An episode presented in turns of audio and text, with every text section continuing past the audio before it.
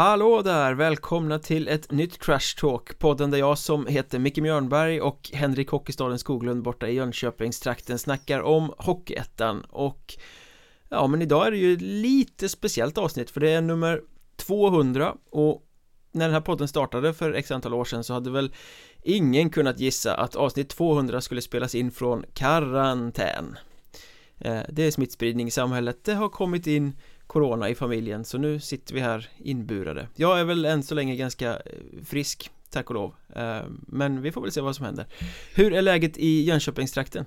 Ja, det är ingen corona här. Det är överstökat. Du har klarat av ditt kapitel Ja, och så jag sitter inte i någon karantän. Men det, jag vet inte. Jag, det är tråkigt och det, det, det är lite halvdeprimerat ändå känner jag. För det, spelas ju knappt någon hockey. Alla matcher ställs in. Nej, jag tänkte precis det här ska man sitta i karantän en vecka för man får inte skicka barn till förskolan och sånt heller om, om man har eh, någon familjemedlem som är smittad. Och så ställer de in match efter match efter match. Vad ska man göra? Nej, jag, jag vet inte faktiskt. Eh... Men eh, vi ska väl prata ganska mycket om det som har varit när det faktiskt spelas hockey och det spelas ju en del hockey ändå, vi ska inte överdriva för mycket Men eh, vill man höra mer om den här massiva coronautvecklingen som är och smittspridningen och inställda matcher och hur Hockeyettan ska klara av säsongen. Eh, det finns några scenarion, det finns några planer eh, Det finns lite händelser som skulle kunna inträffa. Det kommer vi snacka om i vårt eh, Patreon exklusiva material så går ni till Patreon.com söker efter Mjörnbergs Trash Talk så kan ni höra vårt bonusavsnitt där vi snackar resten av säsongen. Hur kommer det gå nu när Corona har satt klorna i oss igen? Men vi eh, förhåller oss till eh, det som har varit och en rubrik senaste veckan har väl varit myten om den förträffliga Söderseriens överlägsenhet Har den slagits lite i spillror? Hur menar du då? Jag tittar lite på den södra vårserien och så ser jag Mörrum, Eskilstuna, Linden 1-2 Nyköping, Kriff 5-2 Kriff Kumla 2-3 Linden Hanhals 4-1 Alltså eh, Vi brukar ju säga att den västra serien är eh, ganska svag och att de här bottenlagen inte är mycket att ha. Nu har de här bottenlagen sopat på de eh, här södergängen som precis bommade allettan och fansen nere i söder säger ju alltid att söderserien är bäst. Söderlagen borde kvoteras in i allettan för att alla andra är så dåliga. Ändå åker de på däng mot urusla västlag. Så söderserien överskattad? Nej. Det, Jag står fast, jag hade kunnat sälja mig till, till ståplats. Där faktiskt och säga att eh, Henrik serien... ståplats Skoglund Ja, ja men absolut. Eh, Om man kollar lite på de resultaten du räknar upp där så Mörrum är ju i fritt fall. Eh, Hanals, jag tycker inte att det är någon större överraskning att Linden slår dem med 4-1 Nej. Faktiskt inte. Eh, däremot Kriff är ju lite överraskande att de torskar två. Eh, på varannan dag där mot Eh, Nyköping är egentligen ingenting att säga om. Nyköping Nej, det är bortaplan med Nyköping och Nyköping är ganska ja. bra. Ja, precis. Och däremot Kumla eh, är ju en rejäl plump i protokollet för KRIF. Eh, samtidigt så, vad jag har förstått det som, så var det en rejäl platt match. Det, jag ska inte säga att KRIF föll på eget grepp, för det vet jag inte. Men när man hör snacket lite så gjorde de inte sin bästa match eh, där. Och det kanske snarare beror på det. Så jag, Fast det ska tror, de väl inte behöva göra för att kunna slå Kumla? Ändå? Nej, men det, de träffade nog en rejäl bottennivå i sitt spel. Mm. Där. Så jag, nej, jag håller inte med. Sen tycker jag att det är kul att det blir sådana här resultat. Eh, men jag håller nog inte med om att söderlagen är överskattade. Definitivt inte. Nej, vi kanske har underskattat västlagen då? Eller är det så att Linden och Kumla sprattlar lite? Eh, för jag menar Nyköping, det kan jag hålla med om, det är ju, de ska vara Nu när de är ganska friska så ska de vara i toppen eh, Och de visade ju mot Kriff också att när de går på kropp och, och, spelar lite fysiskt så gillade inte Kriff det alls Nyköping var mycket bättre på att hantera fysiskt och grinigt spel eh, Så att för dem fortsätta vara friska tror jag att de kan stanna där i toppen Men Kumla och Linden är ju bottengäng ehm. mm.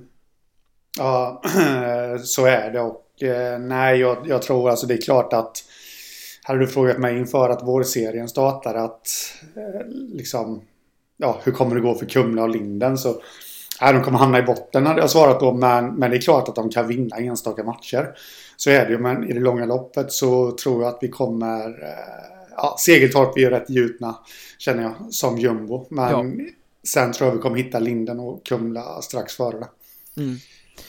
Eh, men Linden tog ju sina första poäng borta mot Mörrum nu för någon vecka sedan I en oerhört krampaktig match som slutade 1-1 efter ordinarie tid och som Linden sen avgjorde i förlängning eh, Och det leder oss in på ämnet som vi, vi kan väl sätta rubriken Mysteriet Mörrum mm. Ehm, för de har ju inte öppnat den här vårserien bra och frågan är hur illa ställt är det egentligen? Ja, eh, den frågan kan man verkligen ställa sig. De har ett eh, Alltså på pappret så har de ju ett kanonlag om man jämför dem med, med övriga vårserielag. Mm. Eh, jag tippade dem som etta. Jag faktiskt. tippade dem faktiskt som fyra. Att det skulle gå lite troll i, men inte så här som det har varit i öppningen. Nej, och det känns... Eh, ja, men någonting har ju hänt helt enkelt i Mörrum. Det går ju inte att säga annat för de har ju... Jag räknade på det där för några dagar sedan och jag tror att sen mitten av oktober, alltså ja, vi kan väl säga omgång fyra eller någonting, så har de bara vunnit en match tror jag. På mm. ordinarie tid. På ordinarie tid ja. ja. ja. Eh, de har inte vunnit på hemmaplan på ordinarie tid sen typ 15 oktober eller 16 oktober eller något sånt där. Mm. Äh, nu, nu, nu ser jag faktiskt här vad jag skrev. Eh, Mörrum har vunnit en enda match på full tid sedan 16 oktober. Mm. Eh, ja, och, och vinner man inte matcherna så då ligger man där, där man gör. Sen har de tagit mycket tvåpoängare. De har tagit poäng i väldigt många matcher. Men det var ju grundserien det också. Eh, nu känns det som att de inte ens får med sig poäng. Nej, de, matcherna. de öppnade ju grundserien kanske 4-5 första omgångarna riktigt starkt. Ja. Fram till den här eh, beryktade bojkottmatchen mot Karlskrona i stort sett. Eh, och man tänkte så här, oh, men Mörrum, de är bra i år. Och de spelade uppoffrande defensivt och sånt. Nu tittar man på vårserien så är det ju helt tvärtom. De är bedrövliga bakåt de vill anfalla men de tappar pucken på fler ställen Det ser inte ut som att de riktigt vill offra sig för varandra längre Nej eh, Så är det nog jag, jag, jag, minns ju bara premiärmatchen mot Dalen hemma Där ja, man satt och tänkte att eh, nu, nu kommer det här gå till förlängning Och John Henryon tror att det var avgjorde med bara sekunder kvar och det, det var ju lite av ett viljemål inte så att han brötade och bökade in pucken, men just att de gick framåt mm. där i det, i det läget. Och det verkar de ha tappat fullständigt. Uh, här nu så, ja, för den konspiratoriska kanske så kan man ju ana bo bojkottsmatchen. Uh, matchen efter det så åkte de och vann mot Hanhals. Mm. Eller ifall de vann hemma. Och sen efter det så har de inte vunnit någonting. Uh, har det hänt någonting i samband med det? Fick Fick styrelsen spelartruppen emot sig eller vad? Jag spekulerar bara nu alltså, Fast man... en sån sak skulle ju kunna få en spelartrupp att gå samman också Tänker jag eh, Ja. Här har vi snarare liksom avhopp. Jesper Hultberg drog till rivalen Karlskrona. Alexander Karlsson flyttade hem till Vännäs. Spelare hoppar av. Um, Man har uh, tungt med skador och sjukdomar Lyckas inte riktigt förstärka Går kort om folk. Det, alltså det känns mycket som inte funkar. Och sen så inför den här Linden-matchen så var det en intervju med Kalle Gifting som ju stod vid sidan av efter den här otäcka skridskon mot halsen incidenten i kriffmatchen Ja, usch ja. ja Det var väldigt obehagligt. Uh, Men han intervjuades, han var ju glad som vanligt som han alltid är. Men liksom man kunde nästan tolka mellan raderna sådär att ja, men stämningen kanske inte är sådär superbra. Han pratade om att vi mm. måste eh, gå ihop som lag för när vi inte gör det så är vi inte så bra. Mm. sådär liksom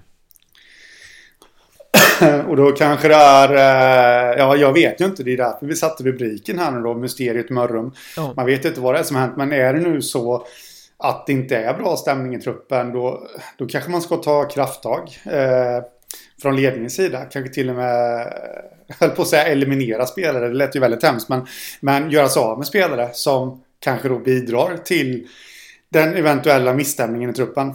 Mm. Oavsett om det är stjärnor eller vilka det är. Statuera exempel att för förra året så Ja, de hade ju stjärnor då med, men, men förra året, det, det, var ju en laginsats då. Ja.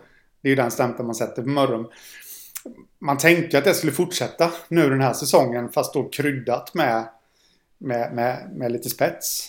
Eh, så tänkte jag i alla fall. Men det är där vi blev... återkommer till samma grej varje gång man pratar om Mörrum Att de är bra som underdog och de är helt genomusla som lite favorit mm. Och det har de ju varit, i vårserien är de ju favorit Ja, ja, absolut så är det eh, Så det, det håller ju på att bli ett fiasko där De ligger ju riktigt risigt till alltså De just nu på kvalplats neråt eh, Och jag menar Mörrum kommer ju garanterat då få, få möta Södergäng i, som kommer från division 2. Mm. Då snackar vi Borås, vi snackar Tyringe, vi kan till och med bli så att vi kommer få snacka Osby.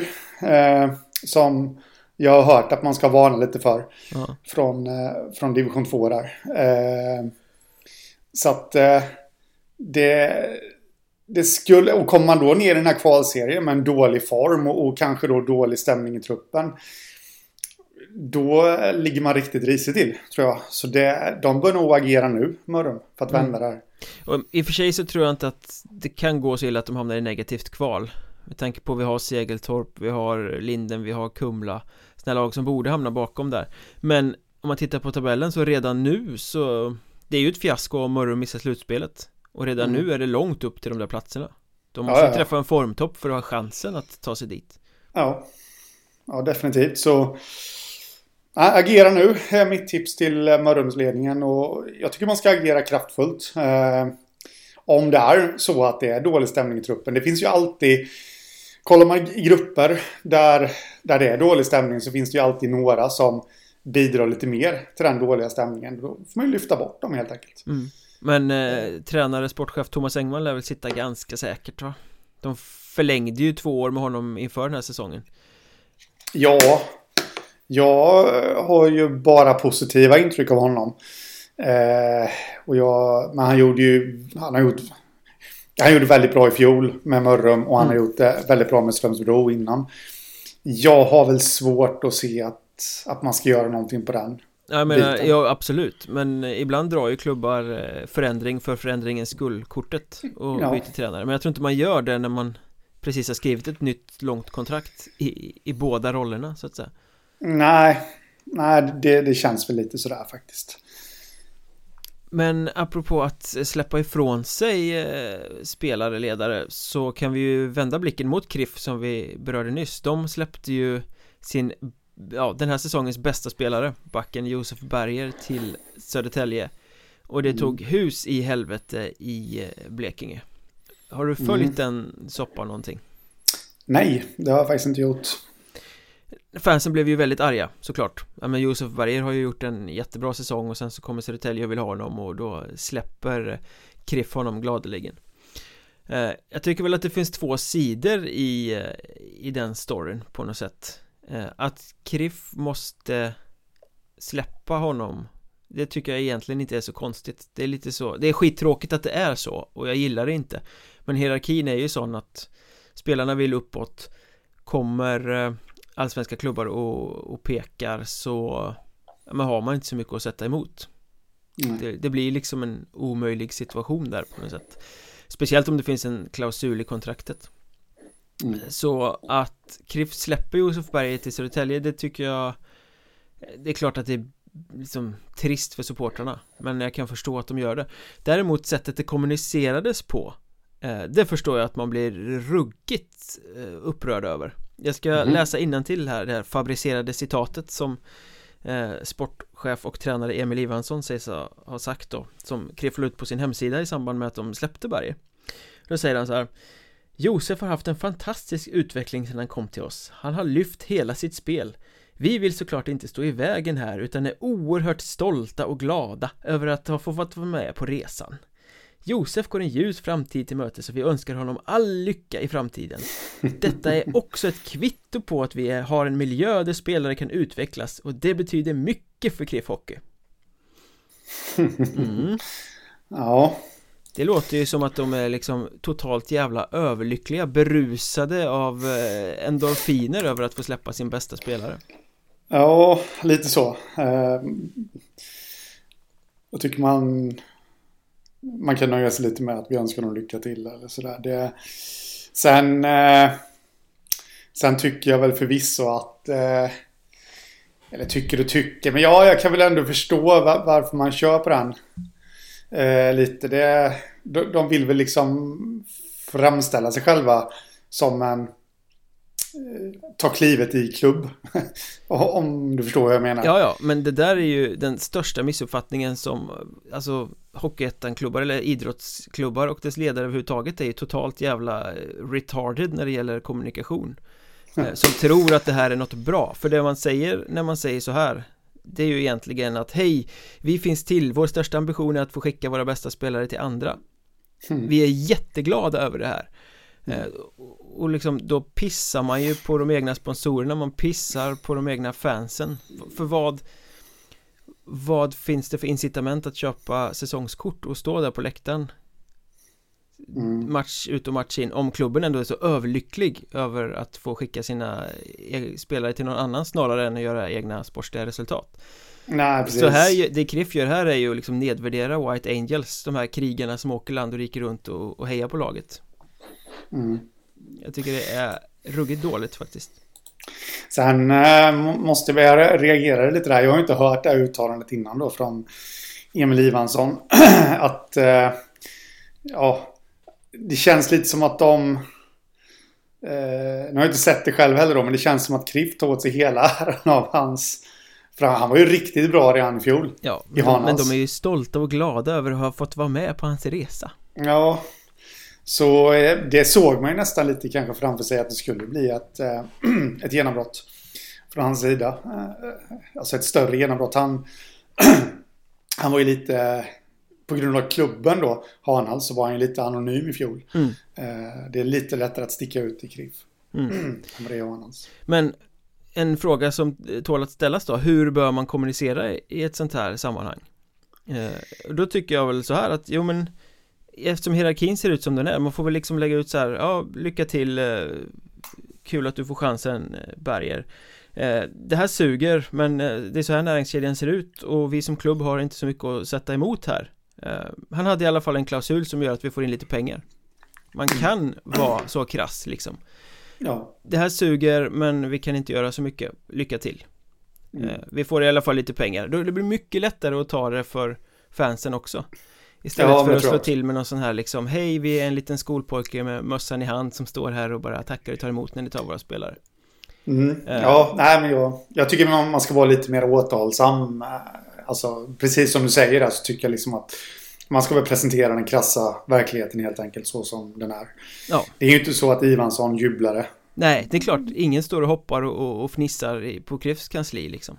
Nej. De tycker ju att det är värdelöst att tappa sin bästa spelare. Ja, absolut. Eh, men eh, inget fel på att Kriff släpper Josef Berger alltså men fel på kommunikationen kring hur de gjorde det Så kan man väl säga mm. Ska vi snacka om något lite roligare? Eh, ja, varför inte? Supersuccé-sagan Surahammar Ja Jag eh, gjorde en liten jämförelse på Twitter här i veckan Det känns lite som att Surahammar är exakt samma sak som Halmstad Hammers var säsongen 1920 Alltså det här underdog-gänget som kommer upp och gör bra resultat får mängder av eh, beröm från höger och vänster. Men med det här lilla tillägget ja de är jättebra och ja de presterar superbra men snart vänder det. Ja. För Halmstad vänder det aldrig. Nej. Nej men så är det. Det känns som att Surahammar verkligen har hittat sin, uh, sin grej. Uh, och jag läste i Sportbladet här faktiskt häromdagen att de har ju en av sönerna Lidström i båset som tar mycket input från sin far, den gamle storbacken Niklas Lidström. Mm. Eh, när det handlar om detaljer i försvarsspelet och sånt där. Och... Eh, det känns som att Surahammar är på rätt väg, absolut. Och jag läste Mäler, Jörgen Mäler, ordföranden där. Det var ju liksom att de jobbar ju för... De, de ska inte bara bli en dagslända. Nej. Utan... Och han var ju lite... Sportchef är han då? Ja, sportchef är han. Mm. Just det. Han var ju även lite eh, frågande till, eller rätt mycket frågande till att många ser dem som en överraskning. Ja. Eh, han menar ju på att de har ju ett lag. Jag håller mig inte riktigt med där. Om man ska vara helt ärlig. Visst, de har eh, spetsspelare som man visste skulle skulle bli bra redan på förhand. I Lukas Söderlund bland annat då. Men... Ja men de överpresterar ju. Ja. Det gör de ju, men eh, frågan är liksom Behöver de sluta överprestera? Eh, eller, eh, för det, det var ju det man tänkte om Halmstad också, de överpresterar, det här måste ju vända liksom. De vinner jämna matcher fast att de inte är spelförande och bla bla bla. Surahammar är kanske lite mer spelförande än vad Halmstad var I och för sig.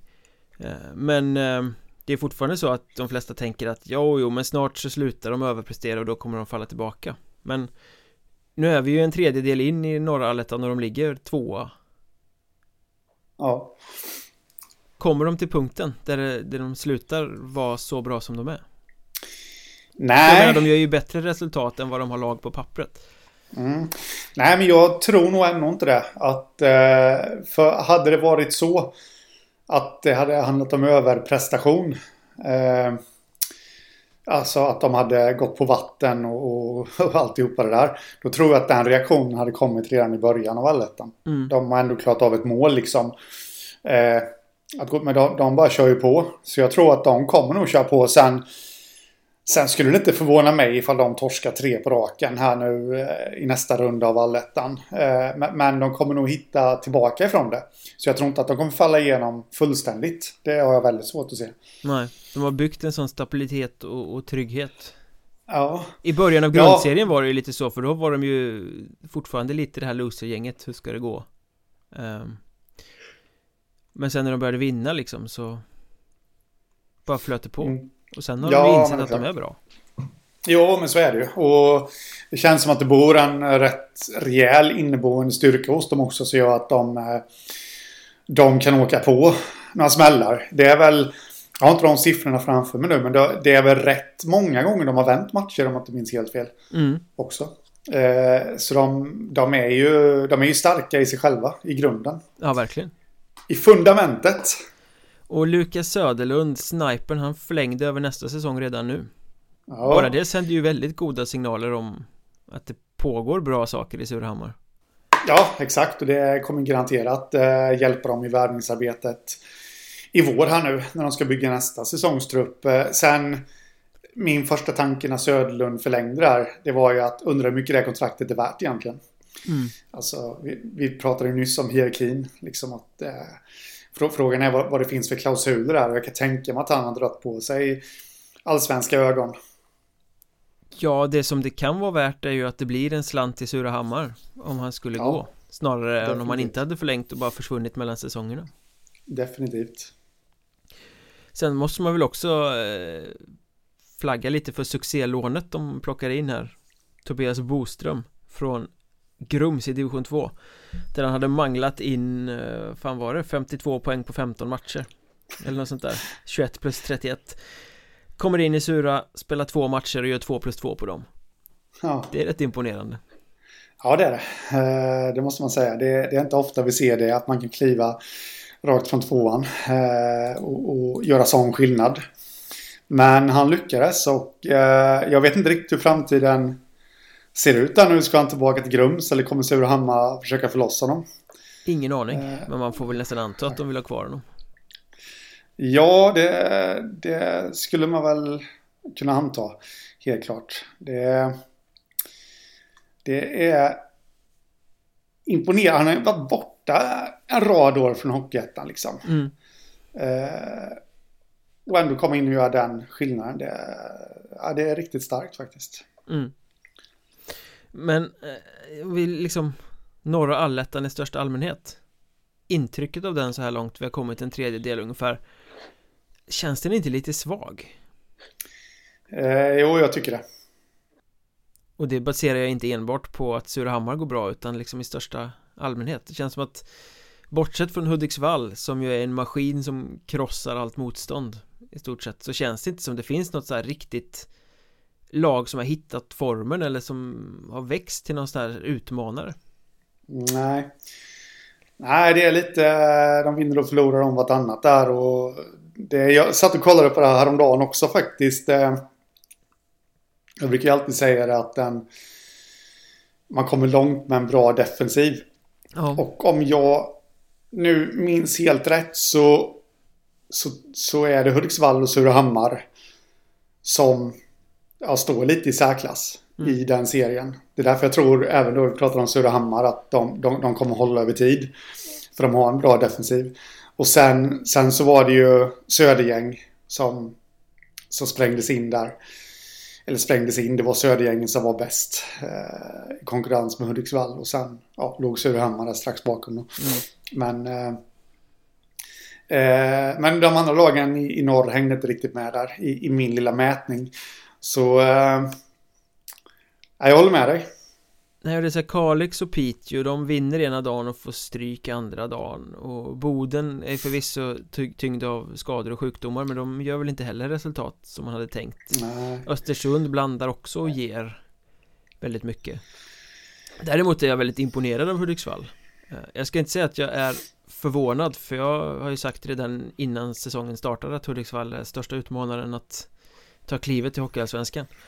Jag tycker de har byggt oerhört smart med alla roller och hur laget är komponerat och så Dennis Hall som coachare och inte lämnar någonting åt slumpen. Men nu ser man ju liksom att de har byggt en maskin. Mm. Motståndarna måste vara oerhört bra för att eh, kunna plocka ner eh, Hudiksvall. Och där uppe har jag hört liksom folk snackar om att det, här, det, här, det här har vi liksom aldrig upplevt här Hudiksvall brukar ju vara ett lag som åker lite berg och dalbana i prestationerna men här är det konsekvent eh, mm. Sådär Och så Henrik Olsén ovanpå som är stekhet eh, Pansarvagnen som öser in mål nu också Ja Nej, de, de har det väl för sig. Jag tycker även då att de har, de har ju två bra målvakter i Håkansson och Bosson. Ja. Där också. Eh, bra defensiv och... Nej, de kommer gå långt. Ja, och det känns inte som att det här är liksom en formtopp som sen kommer svalna av utan det känns som att de fortfarande Nej. bygger uppåt. Mm. Um, sen kan det ju vara att motståndet är halvsvagt men det lär ju visa sig längre fram under säsongen då. Ehm, Definitivt. Hur mycket tror du Östersunds svaj beror på målvaktssidan då? Det, det, är rätt uppseendeväckande. Sex olika målvakter har de använt så här långt under första tredjedelen ja. av allettan. Eh, jag tror nog att det kan ha en hel del med att göra. Men det, det, det är väl kanske inte hela förklaringen heller. Eh, på att de har gått som de gör. Men, men just det där är ju uppseendeväckande med sex olika målvakter. Eh, de har ju haft problem med skador. Ja, Isak Mantle gick sönder i premiären av allettan och där har det ju sagts att nej men det är bara day to day, han ska snart vara tillbaka men än är han inte tillbaka en månad senare Mm. Sen sträckte sig ju andrekeepern som Hugo Marklund Han hade magsjuka någon gång och sen så sträckte han någon vad eller något i någon match på bortaplan Borta han också. Eh, no, Någon form av skada, jag vet inte exakt vad det var. Eh, Så de har ju haft lån fram och tillbaka. De lånade Gunnar Lejon från Brunflo några gånger. De hade en Mario Cavalry från Ånge med sig på någon bortaturné. Någon match lånade de in Dennis Westergård från Vännäs. Och nu på slutet så har de plockat in Linus Marco som uppenbarligen inte ville vara kvar i Örnsköldsvik och där känns det väl som han har kommit in och gjort några bra matcher så där kanske de kommer skriva kontrakt. Mm. Ja, definitivt. Eh, det, jag, det jag tänker på med Östersund, vi sa ju det också att eller jag sa det att det, ja, det kan nog bero en hel del på, på målvaktssituationen. Men känner inte du, jag vet inte, rätta mig om jag har fel, men är det inte det gamla vanliga problemet också? De har svårt att göra mål framåt. Ja, lite grann så är det ju. I alla fall sett till spelarmaterialet. Ja eh, Jag tror att de är fjärde sämst På att göra mål. Mm. Eller tredje till och med i den norra allettan Tredje eller fjärde sämst på att göra mål och eh, Det håller inte riktigt. Det, det, det har varit i flera år nu alltså. Det känns ju som att det spelar ingen roll vilka de än värvar in så så lossnar det inte riktigt. Nej Östersund, precis som du säger, har ju varit, jag vet inte hur många säsonger som det känns som att de har ett bra lag men de får inte ut maxpotentialen av det. Nej. Det är något som saknas någonstans. Mm. ja, det, Då måste det ju ha lite med spelsystemet att göra. Eh, det, har, det, är ing, det är ingen kritik. Alltså Östersund har ju Alltså de har ju nått framgång ändå. Så det är inte det att jag, att jag dissar tränaren här nu men Men någonstans så, så måste det ju ha med, med spelsystemet att göra att de inte lyckas Göra mål helt enkelt eller de gör ju mål, men de gör, de gör ju inte mål som ett topplag. Nej. Det är det som är grejen. Nej, de har ett topplag på pappret, men de presterar inte som ett topplag Nej. i just den eh, aspekten. Det är någonting, jag, jag vet inte. Kanske att man måste in mer på mål. Eh, kriga lite mer där. Jag vet inte. Jag tycker att eh, vi sa Mysteriet Mörrum här innan. Det är väl lite likadant med Östersund faktiskt. Även fast de inte är i samma läge. Nej, de sitter ju inte så... i en prekär sits men man kan liksom kräva mer av dem, känns det som. Ja. Man vet aldrig vart man har dem riktigt. Nej, sen de har ju gått långt de senaste åren också. Så de har ju varit snubblande nära kvalserien. Så då på något sätt så känns det ju bara dumt av mig att och sitta på något sätt och kritisera deras målskytte eftersom de ändå vinner. Jo men att de, men att de, inte når hela vägen fram där i slutändan kan ju bero på just en sån sak. Det kan absolut göra.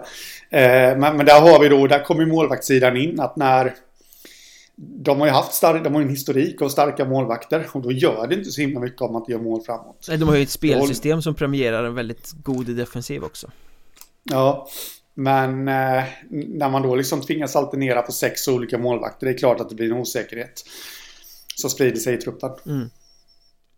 Får väl se vad som händer där om Mantler kommer tillbaka snart eller inte. Ja, man, inget ont om de andra målvakterna. Man hoppas ju på att Mantler kommer tillbaka. Han, det är ju en klassmålvakt som man vill se vad han kan göra mm. nu när han är tillbaka i ettan. Eh, det är en, jag satt och gjorde min lilla defensivmätning där eh, häromdagen. Och det är ju lite anmärkningsvärt för att återgå till Östersund också att, eh, att de gör så pass få mål när det är rätt styltiga försvar de möter.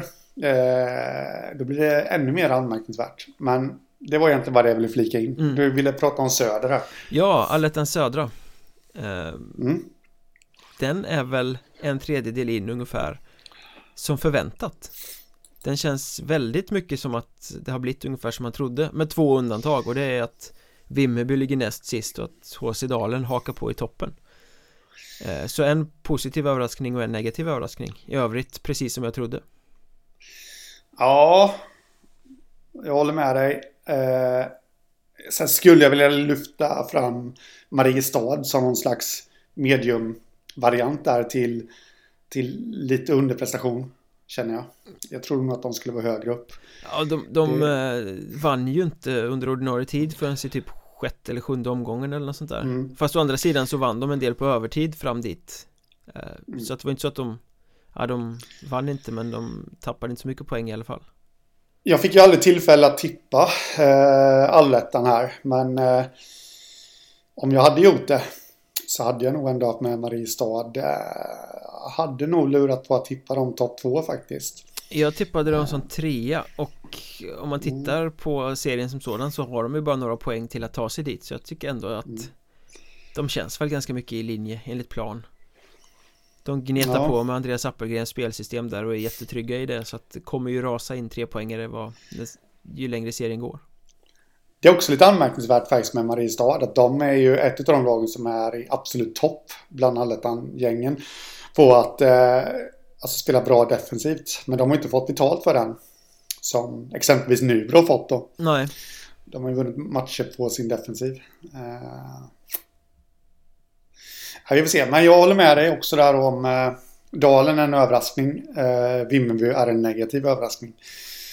I allettan. Skövde, detta ständiga sorgebarn får man väl säga egentligen. Att de aldrig presterar i allettan. Nej, men det är det ju ingen som förväntar sig heller. Säger att ja, Skövde ligger sist. Ja, ja, men då är det som det ska.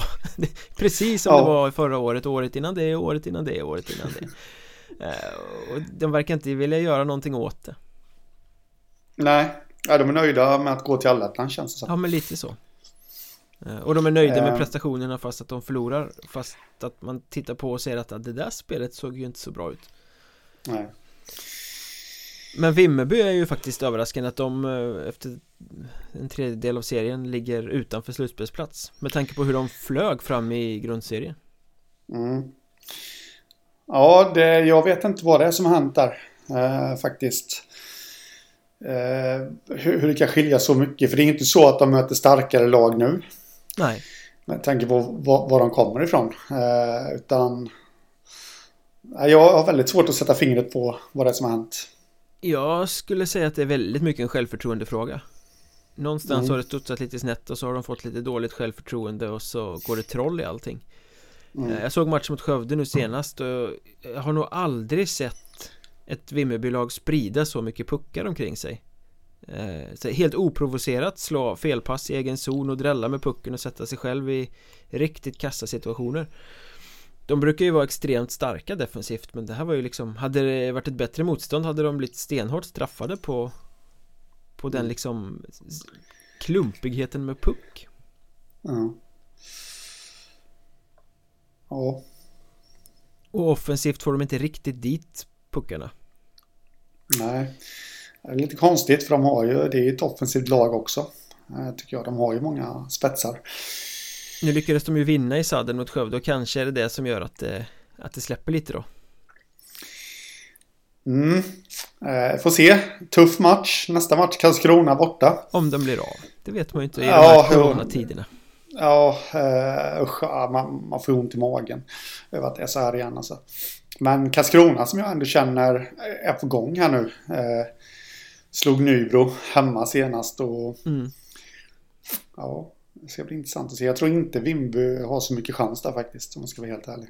Ja, jag vet inte Karlskrona vet man inte riktigt vart man har Ena dagen är de superbra och andra svajar de Ja, Eh, Men eh, alltså rent formmässigt så ska ju Karlskrona kunna buckla tillbaka vid Muby ganska Mm. bra där ja definitivt. Men den andra överraskningen då, den som är positiv om vi tänker då HC Dalen Det är ju Ja. lite Surahammar-vibe på den också Ja, ja, de går bra Men snart faller de tillbaka Tänker man Ja, ja precis. Och det är exakt så jag tänker. Jag, eh, jag trodde absolut inte att de skulle kunna undvika de två sista platserna i allettan. Och, och det grundar jag ju inte så mycket på att de faktiskt tog sig till allettan i de absolut sista sekunderna mer eller mindre av, eh, Tack vare att Mörrum och Kriff vek ner sig i sista omgången mm, av grundserien där. Eh, det var inte det jag grundade på utan jag när man jämför dem med övriga allettan-lag i Ja, i olika parametrar, offensiv och powerplay och boxplay och defensiv och alltihopa så var Dalen alltså sämst eller näst sämst mm. av alla lag. Och det är ju rätt viktiga områden att prestera i. Men, men nu helt plötsligt så har de har de fått till det. Eh, Trots, ska Men- man säga då, att de har gått väldigt skade och sjukdomsskjutna i allettan Gått på väldigt Ja. kort om folk Ja, ja, ja, det har de gjort och de hade väl tre femmor nu senast och fem backar. Eh, och det, det är också någonting jag grundar på att de har en tunn trupp.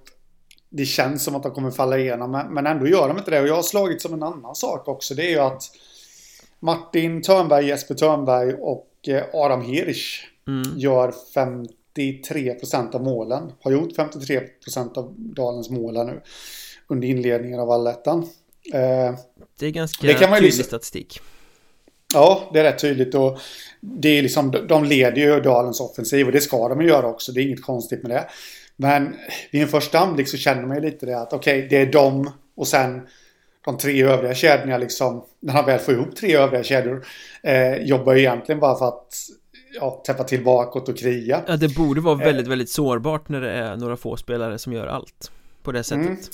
Ja, men precis. Så det är ju de tankarna jag får när jag ser på det utifrån. Men sen, sen kollar jag det där lite mer noggrant. Och de flesta matcherna vinns utav eh, eh, första kedjan där. Det är inget snack om saker. Men när inte de producerar som förväntat, alltså man förväntar sig nästan att de ska göra totalt 5-6 poäng per match. Mm.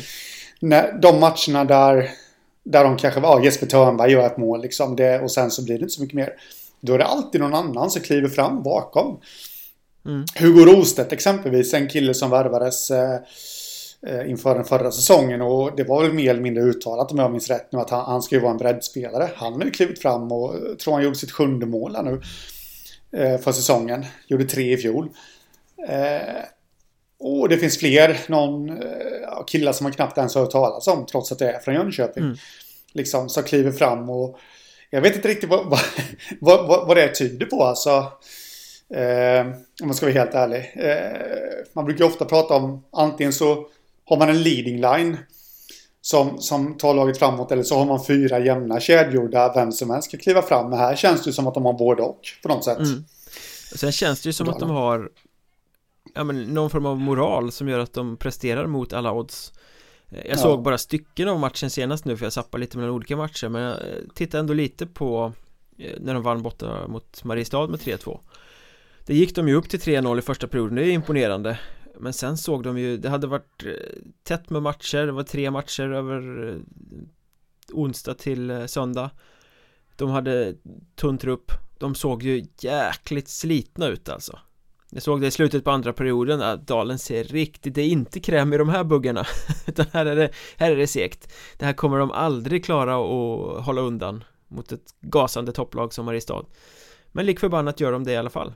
Så de hittar ju liksom ja. vägar att lösa det trots att det ser tungt ut. Eh, Det är väldigt ja. imponerande. Ja, eh, jag såg ju fredagsmatchen där också. Mot, eh, det kommer jag inte ihåg vilka det var de mötte nu. Eh, Hanviken var det och där tycker jag Dalen såg trötta ut. Jag såg andra och tredje perioden. Jag tycker de såg jättetrötta ut. Ja, jag håller med, jag såg delar av den också Bägge de, faktiskt. Bägge de perioderna, så det är därför man undrar lite hur länge kommer det här hålla? Men, men ja, moralen finns ju, de offrar sig och och det kan ju bära en bra bit. Men grundtipset som jag har är nog ändå att jag tror de kommer sjunka i tabellen. Jag tror inte att det här kommer hålla över tid. Men de kommer ju inte sjunka ner till botten två platserna där man trodde att de skulle hamna på förhand.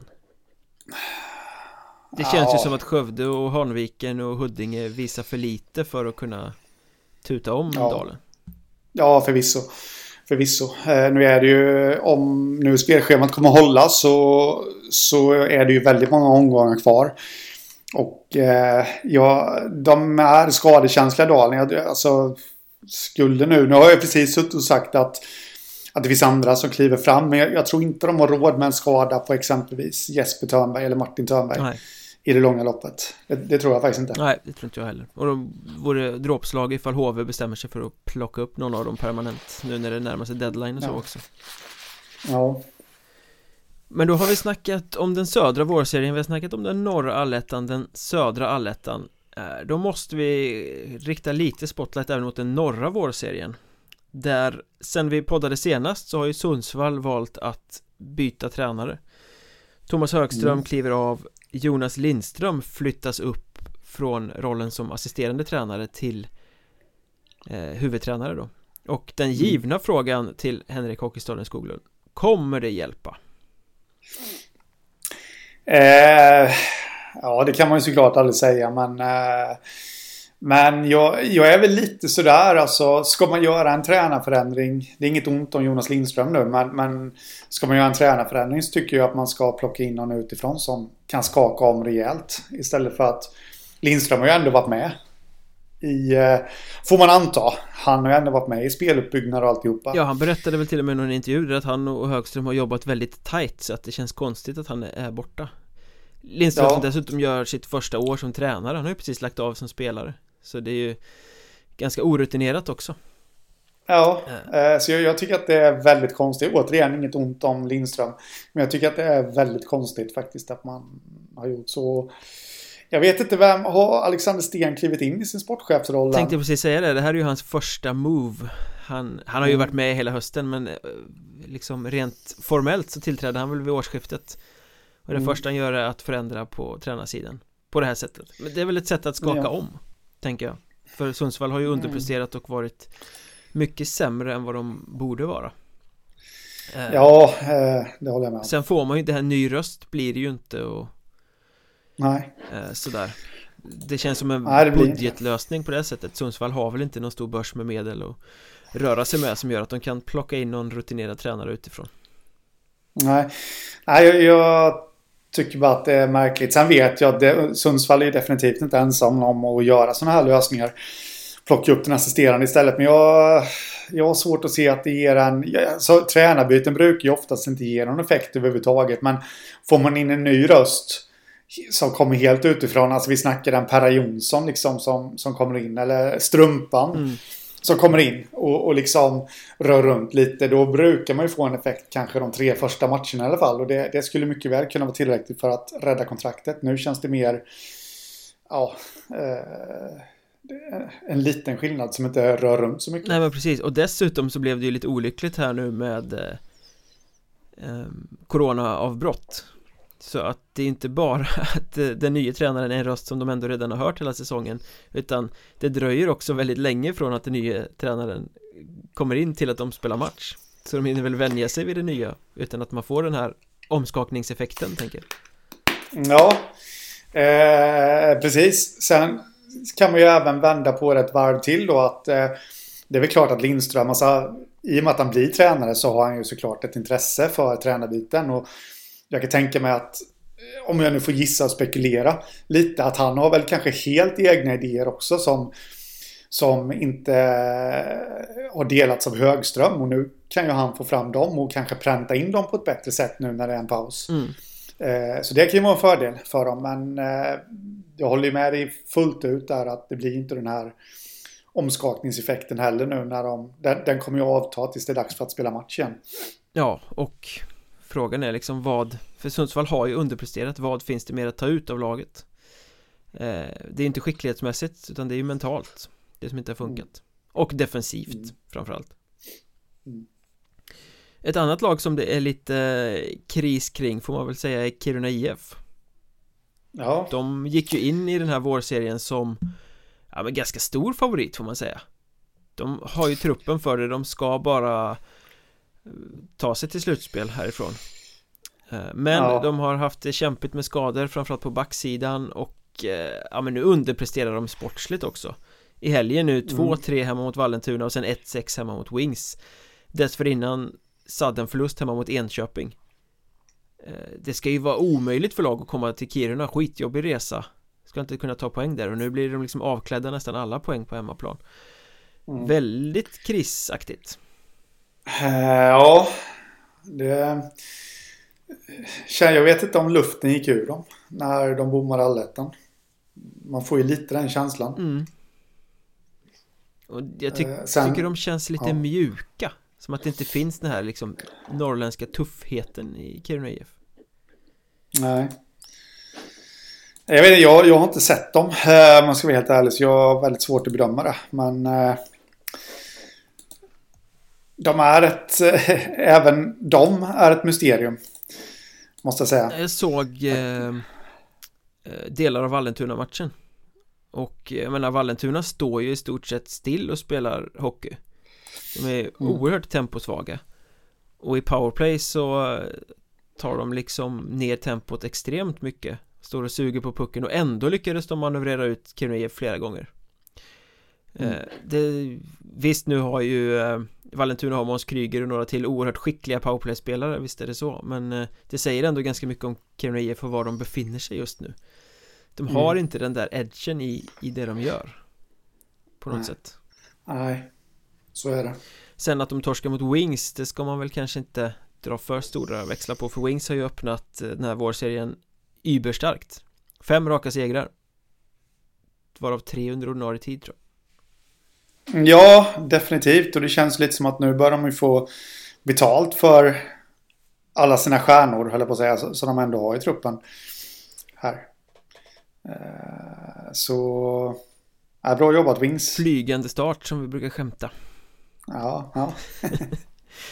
Eh, sen är det ju mer, bortsett från det sportsliga, på tapeten det är, eh, idag är det den 11 januari när vi spelar in Det innebär att det är 11 dagar kvar till det ordinarie, eller vad extra årsmötet i Hockeyettan Där mm. Hockeyettan-klubbarna ska rösta bort sittande styre och installera Håkan Svensson och Stefan Gyans i toppen istället eh, Men Jag tror vi sa det redan i förra poddavsnittet Det här är ett drama, det är en såpopera det kommer nog eh, skrivas fler kapitel och det verkar som att det kommer skrivas fler kapitel mm.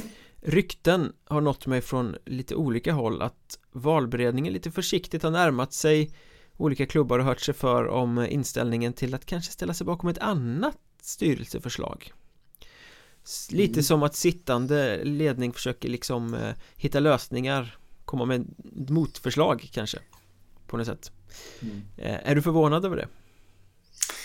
Nej, det är jag väl egentligen inte. Eh, det är väl klart att, eh, att sittande styrelse med ordförande Glysing i spetsen självklart eh, vill, vill eh, vara kvar i leken om man säger så. Och eh, dessutom så så eh, jag tycker nästan att det är deras ansvar på något sätt också. Visst, eh, de har gjort mycket fel och jag förstår ju varför det blir ett extra årsmöte. Men om man ska se på det helt utan åsikter om vad de har gjort rätt eller fel så tycker nästan att det är en skyldighet för en sittande styrelse att komma fram med ett motförslag också. Eh, så. Men det, det, får ju bli för medlemsklubbarna att rösta för det lär väl vara två förslag då som står emot Fast varandra. jag, vet, jag håller inte riktigt med om det för att, att det överhuvudtaget blir ett extra årsmöte Det är ju en misstroendeförklaring jo. Och med den typen av misstroende så går det inte att göra ett bra jobb i en topp Eh, så jag tycker att då ska man acceptera sitt öde. Och släppa fram nya krafter. Ja, jo, jo eh, absolut. Eh, och Ja, när de väl eller om de väl har förlorat den här omröstningen då är det bara att acceptera sitt öde liksom och kliva av. Men jag tycker ändå, alltså man har jobbat mot någonting eller för någonting som man tror på. Och det finns ju garanterat också klubbar, det finns det ju, som står bakom den här styrelsen. Som faktiskt sitter nu. Och då, där mot dem kan jag ändå känna att det är en skyldighet att lansera ett eget förslag. Mm. Uh, för det, det, det, har ju, det har ju lite där med olika åsikter att göra. Men det finns ju varför... stor risk för ett ganska smutsigt röstfiske här nu sista veckorna innan. Det kan det absolut göra. Påverkan och lobbying och manipulationer. Det är ju nästan synd att man inte sitter som ledare i någon klubb som man hade fått eh, höra från insidan. Så man får förstahandsuppgifterna istället för som oss, de fina ryktena mm. som andrahandsuppgifter. Nej men jag har väl sagt det tidigare, jag tror att det blir ett rätt smutsigt möte Jag eh, tror att det kan bli eh, svallvågor Ja det kommer det nog definitivt att bli och som jag sa där att när, när, man väl har förlorat en sån här omröstning så är det ju bara att acceptera sitt öde och kliva av. Men, men om vi nu säger att sittande styrelse skulle förlora jag tror inte att de kommer Jag tror inte de kommer ge sig då heller faktiskt. Nej det känns inte som det kommer bli det smidigaste överlämningen. Som har skett. De strider ju in i det sista i alla fall får man ju säga. Läste någon rubrik i NSD här. Igår tror jag det var att nu har de begärt Boden i konkurs igen. Mm. Någonting som bara passerat tystnad faktiskt Ja, det har inte blivit så mycket hålla kring det som kring andra saker Nej Känns det jag, jag fick för mig att det kan ha att göra med att jag har blockat en massa Bodensupportrar. Så jag, att jag inte liksom har sett det här. Men men eh, om du upplever samma sak så är det väl att det är tystnad. Så man undrar ju lite vad som... Jag har ju svårt att se att Boden accepterar sitt öde i alla fall. Så det lär väl komma någonting därifrån. Ja, men det här är ju andra gången. Hockeyettan begärde väl Boden i konkurs ungefär vid den här tiden förra året. Också. Ja. Och drog sen tillbaka den. Mm. Um, och nu gissar jag att det handlar om de här pengarna efter skiljedomen. Som kom. Eh, ja. Ja, det skulle det vara. Det är lite konstigt också då att eh, för skilj... Eh, Borden har ju klandrat den. Ja, det är väl därför de inte kom... betalar i sig, att de väntar på, mm. för den var väl också om någon vecka i mitten på ja. januari som utslaget ja, på den skulle komma. Ja, det tror jag. Och då är det ju faktiskt, då gör ju Hockeyettan samma sak som de gjorde förra gången. Eh, för då var det också någonting som skulle avgöras någonstans. Och, och då begärde de Boden i konkurs innan det här avgörandet hade kommit. Eh, och nu är det samma sak då så... Eh, det skulle väl inte förvåna mig kanske om Hockeyettan drar tillbaka den här ansökan den här gången också. Det är någon form av eh, taktik. Ja, det känns som det. Men jag är ju inte avundsjuk på de här eh, som ska ta över Om det nu blir så att en ny ledning röstas fram på det här extra årsmötet om 11 dagar eh, Det är ganska mycket som landar i knät på dem Jaha, ja, ska vi hantera den här konkursansökan och det här och jag menar ja. Boden har ju öppnat upp och sagt att de är beredda att samarbeta och vilja med en ny, med en ny ledning. Men problemen försvinner ju inte för att det kommer en ny ledning. Nej. Eh, Hockeyettan kommer ju fortfarande ha juridiska tvister med Boden och alltså, det blir ju mycket att ta i och försöka reda upp Känns det mm. som Ja, men sen det här har ju gått för långt också. Jag menar, jag, jag, en ny ledning kan ju inte eh, ge Boden och Karlskrona det de vill ha. För då går de ju emot 30, 38 andra klubbar. Eh, lite, så det, de måste ju fortfarande hålla fast vid att... De måste ju ta ja, men, alla till förhandlingsbordet och hitta en form av lösning, ja. en väg som alla kan acceptera framåt. Ja, och det kommer nog inte gå snabbt. Däremot så, så tror jag väl att eh, en ny ledning kan ha större framgång med att eh, förhandla än vad den nuvarande ledningen har haft. Det är för mycket ont blod mellan dem. framförallt Boden och den ledningen. Och jag har sagt det förr också, jag kan nog känna att Boden kanske borde byta ut delar av sin ledning också.